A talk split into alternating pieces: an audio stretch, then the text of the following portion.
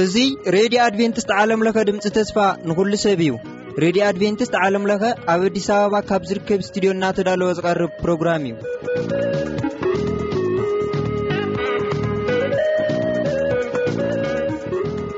ኣብ ርሑቕን ቀረባን መደባትና ንምድማፅ ኣብ መስመርና ትርከቡ ተኸታተልቲ መደብና ብቐዳምነት ፀዓዘ ዘመንፈሳዊ ሰላምታ ኣብ ዘለኹም ይውፃሕኩም ንብል ካብዚ ካብ ስቱድዮና ብምቕፃል ንሎሚ ዝህልወና መደብ መደብ ክፍለጥ ዘለዎ እዩ። ምሳና ፅንሑ ሰናይ ምክትታል።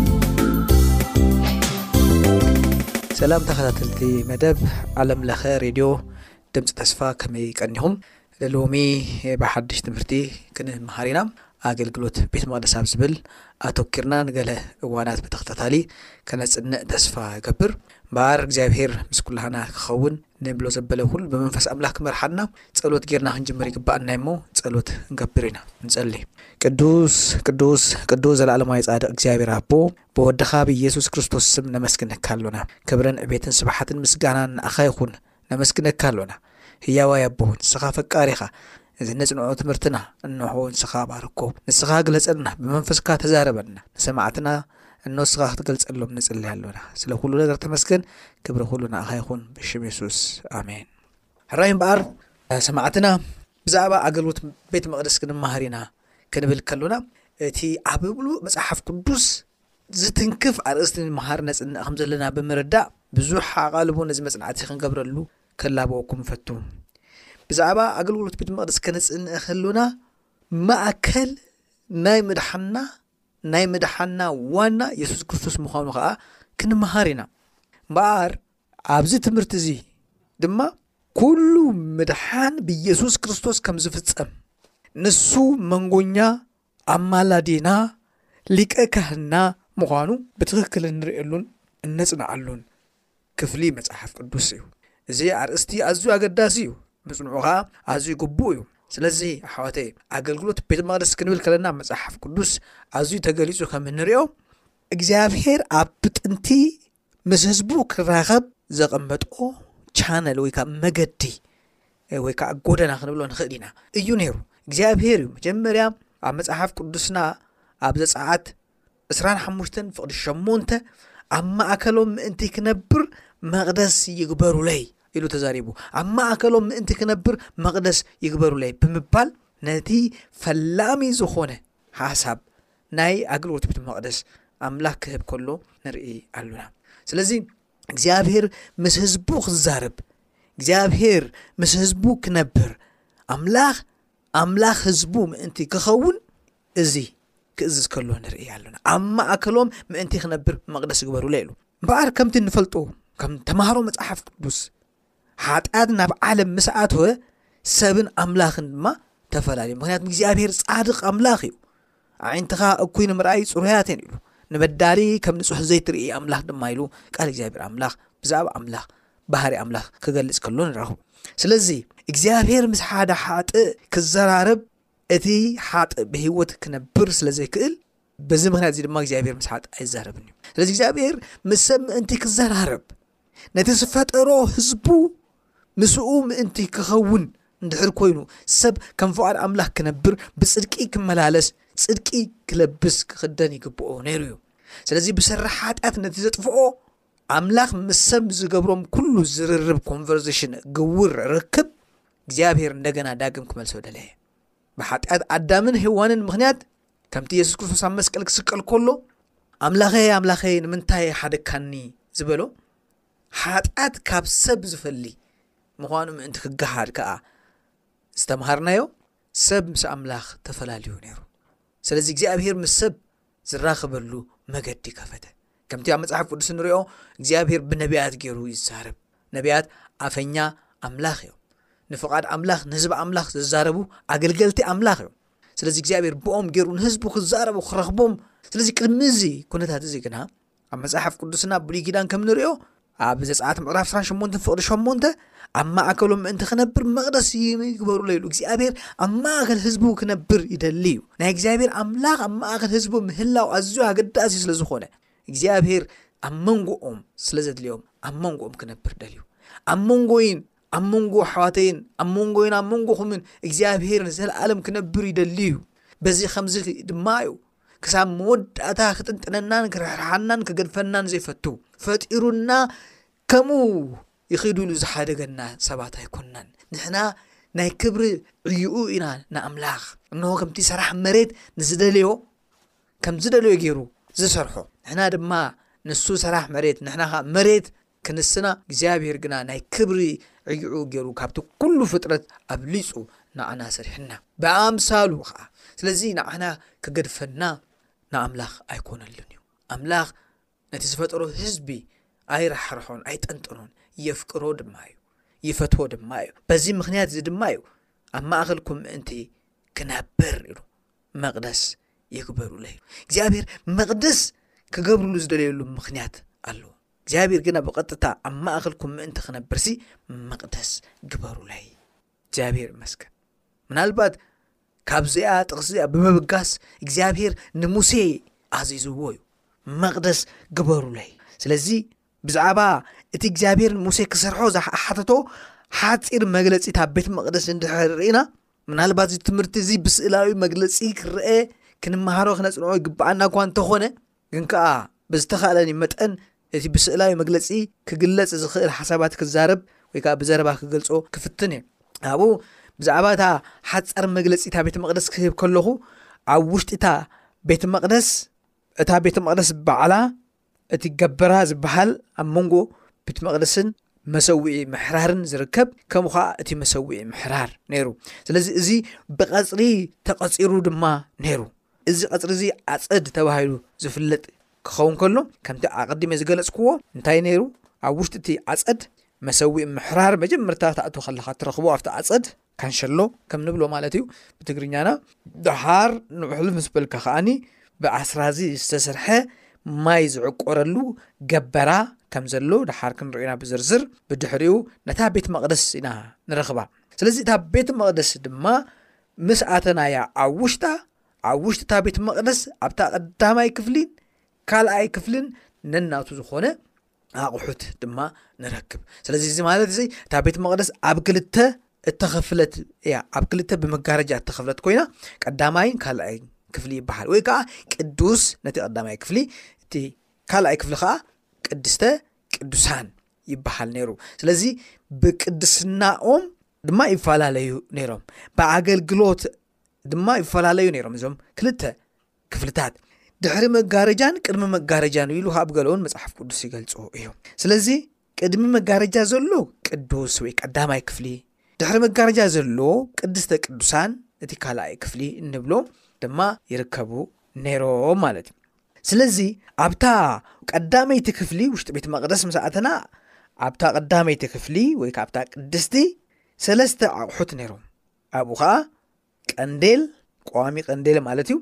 መሰውኢ ዕጣን ከምኡ ከዓ ሰደቃ እንጌራ ምርኣይ ነይሩ ወይ ከዓ ጣውላ ክንብሎ ንኽእል ኢና ጠረቤዛ ጣውላ መቐመጢ እንጌራ ምርኣይ ከምቲ ቃሉ ዝብሎ ድሓር ብዝርዝር ክንመፅ ኢና መሰውዒ ዕጣን ኣንተወይ ኣቐድም ኣቢለ ክዛረብ ከለኹ ኣብ ውሽጢ ውሽጢ ዓፀድ ሓደ መሰውዒ ይርከብ እዩ እቲ መሰውዒ ከዓ መሰውዒ ምሕራር ኢሉ መፅሓፍ ቅዱስ ይዛረብ ኣብኡ እንስሳ ዝሓረሉ ቦታ ስለ ዝኾነ መሰውኢ ምሕራር ተባሂሉ ኣሎ እቲ ሳልሳይ እንሆ ንብርሃን ኩለሻ ዝበርሃሉ ቋሚ ቀንዴል ዝበሃል ነይሩ ስለዚ ኣብቲ ውሽጢ ቤት መቅደስ ምስኣተን ኣብ ክልተ ትኽፈል ኢና ቀዳማይ ክፍሊ ተቅድስቲ ትበሃል እዚን ሰለስተ ኣቑሑት ኣብኡ ከም ዘለዉ ንርኢ ኣሎና ካብኡ ቀፂሉ ዘሎ ክፍሊ ድሕሪ መጋረጃ ካልኣይ ክፍሊ ወይ ከዓ ቅድስተ ቅዱሳን እንታይ ንረክብ ሓደ ኣቕሓ ንረክብ ኣብኡ ከዓ ታቦት ኪድሃን ዝበሃል ታቦት ኪዳን ተባሂሉ ዝፍለጥ ሓደ ኣቕሓ ኸኣ ኣብኡ ንርከብ። ምናልባት ንኣሰራርሓ ዝምልከት ከመይ ብኸመይ ዝርዝር ሓሳባቱ ክንፈልጥ እንድሕር ደሊና ናይቲ ቀጽሪ ኣጸድ ብ 92 ብ 183 ጫማ ኮይ ዝተሰርሐ ኮይኑ ኣብ ዘፀኣት 27 ፍቅዲ 18 ክንሪኦ ይከኣለና እዩ እቲ ኣፀድ ናይቲ ቤት መቅደስ ድማ ወይ ከኣ እቲ ካንቸሎ ኢልናዮ ኣንተ ዝተዛረብናሉ ካብ እተፋሕሰ ልሕጺን ጣጥ እተገብረ ኮይኑ ሱሳ ዓንድታት ዘለዎ ጨርቂ እዩ ነይሩ ብኸምዚ ከኣ እቲ ካንሸሎ ተሰሪሑ ወይ ከኣ እቲ ዓጸድ ተሰሪሑ ንረኽቦ ማለት እዩ ካልእ እታ ቤት መቕደስ 18 ብ55 ጫማ ኣብ ዘጸኣት ምዕራፍ 26 ዓሰርተ ሓሙሽተ ክሳብ ዓሰርተ ትሽዓተ ሓሊፉ ከኣ ክሳብ ዕስራን ትሽዓተን ዘሎ ሓሳባት እንተንቢብናዮ ምሉእ መረዳእታ ብዛዕባ እዚ ንብሎ ዘለና ክንረክብ ንኽእል ኢና። ኣብ ክልተ ብመጋረጃ እተኸፍለት ምዃና ግን ክንዝግዕ ኣይግብኣናን እታ ቤት መቕደስ ኣብ ውሽጢ ዘላ። ደሓር እቲ ናይቲ ቤት መቕደስ ናሕስን መደረብታንሲ ካብ ልሕጺ እንጣጢዕ፣ ጸጉሪ ጤልን ቆርበት ድዑልን ቆርበት ታሕስን ካብ ኣርባዕተ ነገር ዝተገብረ ምዃኑ ኣብ ዘጸኣት ዕስራን ሽዱሽተን ካብ ሓደ ክሳብ ዓሰርተ ኣርባዕተ ዘሎ እንተንቢብናዮ ጽቡቕ ስፍሕ ዝበለ መረዳእታ ክንረክብ ንኽእል ኢና። ኣሕዋት ስለምንታይ ኢና ብዛዕባ እዚ ንዛረብ ዘለና? ናይዚ ኣገልግሎት ቤት መቕደስ መጽናዕቲ ሰፊሕ ስዕላዊ መግለጺ ዝሓትት እዩ። ምናልባት ጽቡቅ ገይሩ ክርድኣና ኣዝዩ ኣተክሮን ጸሎትን ንመንፈስ ቅዱስ ምሕታትን ዘድልይ ምዃኑ ከረድኣኩም ወይ ከዓ ብከምዚ ክትተባብዑ ስለ ዝደለኹ እየ እሞ ሕጂ እቲ ስእላዊ መግለጺ ብቓለይ እናገለጽኩ ሓደ ስእሊ ክፈጥረልኩም ፈቲነ ኣለኹ። ነዚ ትገልጾ ጸንሓኹ ኣብ ምሉእ ትምህርቲ ክናዘከርናዮ ክንመሃረሉ ኢና። እዚ ትምህርቲ እዚ ምርድኡ ኣዝዩ ኣገዳሲ እዩ፣ ኣዝዩ ኣገዳሲ እዩ ኣሕዋተይ። ስለዚ ከምዚ ተገዲሰ ንነፍሲ ወከፉ ትዛረበሉ ዘለኹም እንታን እስኻትኩም ኣብቲ መጽሓፍ ቅዱስ ኬድኩም ብደንቢ ከተንብቡ እሞ እቲ ትኽክለኛ ስእሊ ካብቲ መጽሓፍ ቅዱስ ኣብ ኣእምሮኹም ክትስእልዎን ከተቐምጥዎን ኢኹም ካብኡ ቀጺልና ብዝርዝር ነቲ መጽናዕቲ ኸዓ ክንሪኦ ኢና እግዚኣብሔር ባረኩም ሕራይ እምበኣር ኣብ ሳልሳይ ሕቶና ክንከይድ ኢና ሙሴ ነቲ ስእላዊ ውጥን ናይታ ቤት መቕደስ ካበይ ረኺብዎ ወይ ከዓ እቲ ማስተር ፕላን ከመይ ክግበር ከም ዘለዎ እንታይ ምስ ምንታይ ተሓዊሱ ከም እንፈልጦ ሙሴ ጓሳ ህዝቢ እግዚኣብሄር ነይሩ ብተመኩሮኡን ጓሳ ኣባጊዕ ዝነበረ ተመኩሮ ዝነበሮ እዩ እምበር ናይ ህንፃ ተመኩሮ ናይ ማስተር ፕላን ናይ ውጥን ንድፊ ተመኩሮ ዝነበሮ ሰብ ኣይነበረን ስለዚ ነዚ ተመኩሮ እዚ ምእንቲ ከጥሪ ነቲ ሓሳብ እቲ ከዓ ምእንቲ ክጭብጦን ክረኽቦን ከምኡ ከዓ ክትግበር ምእንታን እግዚኣብሔር ክገልፀሉ ነይርዎ እዩ ነዚ ኣብ እብራዊ ምዕራፍ ሸሞንተ ፍቕሪ ሓደ ክልተን ሓሙሽተን ከምኡ ከኣ ዘጸኣት ዕስራን ሓሙሽተን ኣርባዕተ ከድና ክነንብብ ከለና ነዚ ስእላዊ ውጥን እግዚኣብሄር ባዕሉ ከም ዝሃቦ ክንርኢ ኢና። እንታይ ይብል ጽሑፍ ኣብ ዘጸኣት ዕስራን ሓሙሽተን ኣርባዓ ከምቲ ኣብቲ ከረን እተረኣየካ ምስልታቱ ክትገብሮ ከኣ ጠምቶ ኣብ እብራውያን ከዓ ከምኡ ዝብል ጽሑፍ ኣለና ኣሕዋተይ ራይዋ እዚኣ እነጽንዓ ዘለና ኣርእስቲ ኣገልግሎት ቤት መቕደስ ሰፊሕ ምዃና ኣብ ብሉይ ኪዳን ዝተጻሕፈ ኣብ ሓድሽ ኪዳን ተጻሒፉ ንብምሉእ መጽሓፍ ቅዱስ ዝትንክፍን ዝሽፍንን ትምህርቲ ንምሃር ኣሎና ናይ ምድሓን ማእከል ትምህርቲ ንምሃር ኣሎና የሱስ ክርስቶስ ድማ መድሓኒና ምዃኑ ኣማላዲና ምዃኑ ኣነፅር ኣቢልና ብዓብ ስእሊ ክንሪኦ ኢና ብዙሕ ግዜ ናይ ኣማለድነት ናይ የሱስ ክርስቶስ ኣማለድነት ፀገም ዘለዎም ሰባት ምርዳእን ዝኣብዮም ሰባት እዚ ናይ ኣገልግሎት ቤት መቅደስ ትምህርቲ ከፅንዕዎ ክመሃርዎ እየ ዝላቦም ንብዙሓት እውን ዘረድኦም በዚ ትምህርቲ እዚዩ በዚ መፅናዕቲ እዚዩ ጎይታ ፅቡቅ ገይሩ ኣብ ቃሉ ኣስፊርልና ኣሎ ስለዚ ሓዋተ እዚ መፅናዕቲ እዚ ምፅንዑ ኣዝዩ ኣገዳሲ እዩ ንምድሓና ኣዝዩ ኣገዳሲ ናይ ምድሓና ማእከል ትምህርቲ እዩ ምዃኑ ዛረብ ኣለኹም ስለዚ እንታይ ዝብል ዘሎ ኣብቲ ጥቕሲ እንድሕር ተመሊስና ካብቲ ኣብቲ ከረን እተራእየካ ምስልታቱ ክትገብሮ ከዓ ጠምቶ ኢሉ ረኣዮ ኢሉ እግዚኣብሄር ንሙሴ ራእይ ኣርእዎ ከምቲ ኢልዎ ኣሎ ኣብቲ ከምቲ ኣብቲ ከረን እተራእየካ ዘረኣኹኻ ማለት እዩ ኣርእዎ እዩ እግዚኣብሄር ኣምላኽ ምስልታቱ ክትገብሮ ጠምቶ ኣብ ሰማይ ዘላ ቤት መቕደስ ከም ዝኾነት ምእንቲ ካብ ሰማይ ዝኾነት ሲ ጠምት ረአ ብራያ ርእዎ ከምኡ ክትገብር ከዓ ተጠንቀቕ ረኣዮ ብደንቢ ኣስተውዕሎ ኢሉ ነዚ ስእላዊ ውጥን እዚ ዕማም እዚ ብሙሴ ብባሪኡ ክትግበር እግዚኣብሄር ኣዚዝዎ ዘገርም እዩ እግዚኣብሄር እንታይ እንታይ ክስርሕ ከም ዝግብኦ ኣብቲ መፅሓፍ ቅዱስና ኼድና እንድሕር ኣንቢብናዮ ናይ ነፍሲ ወከፍ ዝርዝር ክዛረብ ከሎ ንርኢ ኣምላኽ ኩሉ ካልይ ኣምላኽ ናይ ዝርዝር ኣምላኽ ከምዚ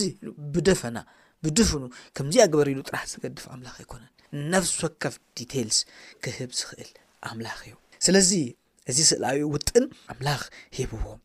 እሞ ከምኡ ክገብር ከኣ ሙሴ ከም ዝደገፈ ኣብ መጽሓፍ ቅዱስና ክንርኢ ኢና። ራብዓይ ሕቶና ተምሳል ናይቲ ኣብ ቀጽሪ ቤት መቕደስ ዝርከብ ኣቑሑት እንታይ እዩ? ተምሳል ወይ ከኣ ትርጉም መግለጽታት ናይቲ ኣብ ቀጽሪ ቤት መቕደስ ዝርከብ ኣቑሑት ከም ዝበልኩኹም ሰለስተ ኣቑሑት ኣለዎ ኣብኡ ኢልና ኣለና ብሓፈሻ እታ ቤት መቕደስ ኣላ ካልኣይ ድማ እቲ መሰውኢ ምሕራር ኣብ መንጎ እዚኦም ክልተ ዝርከብ ከኣ እንታይ ኢልና ኣለና ገበራ ኢልና ኣሎና። እዚ መሰውኢ ምሕራር እንታይ እዩ ጥቕሙ? ኣብ ዘጸኣት ምዕራፍ 27 ካብ ሓደ ክሳብ ሸሞንተ እዚ እቲ ዝስዋእ እንስሳ ዝሓረሉ ስግኡ ዝድርበየሉ ብዘይ ደሙ ማለት እዩ ኣብዚ ዝነደሉ ቦታ እዩ ስለዚ እዚ ቦታ እዚ ድማ ንመስቀል ዘመልክት እዩ እዚ ቦታ እዚ መስቀል ክርስቶስ የመልክት መስዋእቲ ምሕራር ክገብሩ ከሎ ኣብ ብሉይ ኪዳን ድሕር ኢኹምሞ እንተኾንኩም ኣብ መጽሓፍ ቅዱስ በቲ ተጻሒፉ ዘሎ ሓሳብ ተረዲእኩምዎ እንተኾንኩም እቲ ክስታይ ገንሸል ኣብ ኩምራ እምኒ ኣብ ዘለዎ ኣብ ላዕሊ ካ ዕንጨይቲ ኣብ ተገብሮ ይሓርር ከም ዝነበረ እግዚኣብሄር ካ ነዚ መስዋእቲ እዚ ከም ዘጫኑ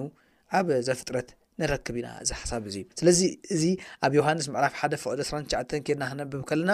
እንሆ ሓጢኣት ዓለም ዘርሕቕ ገንሸል ኣምላኽ ኢሉ ይዛረብ እዚ እቲ ሓጢኣተኛ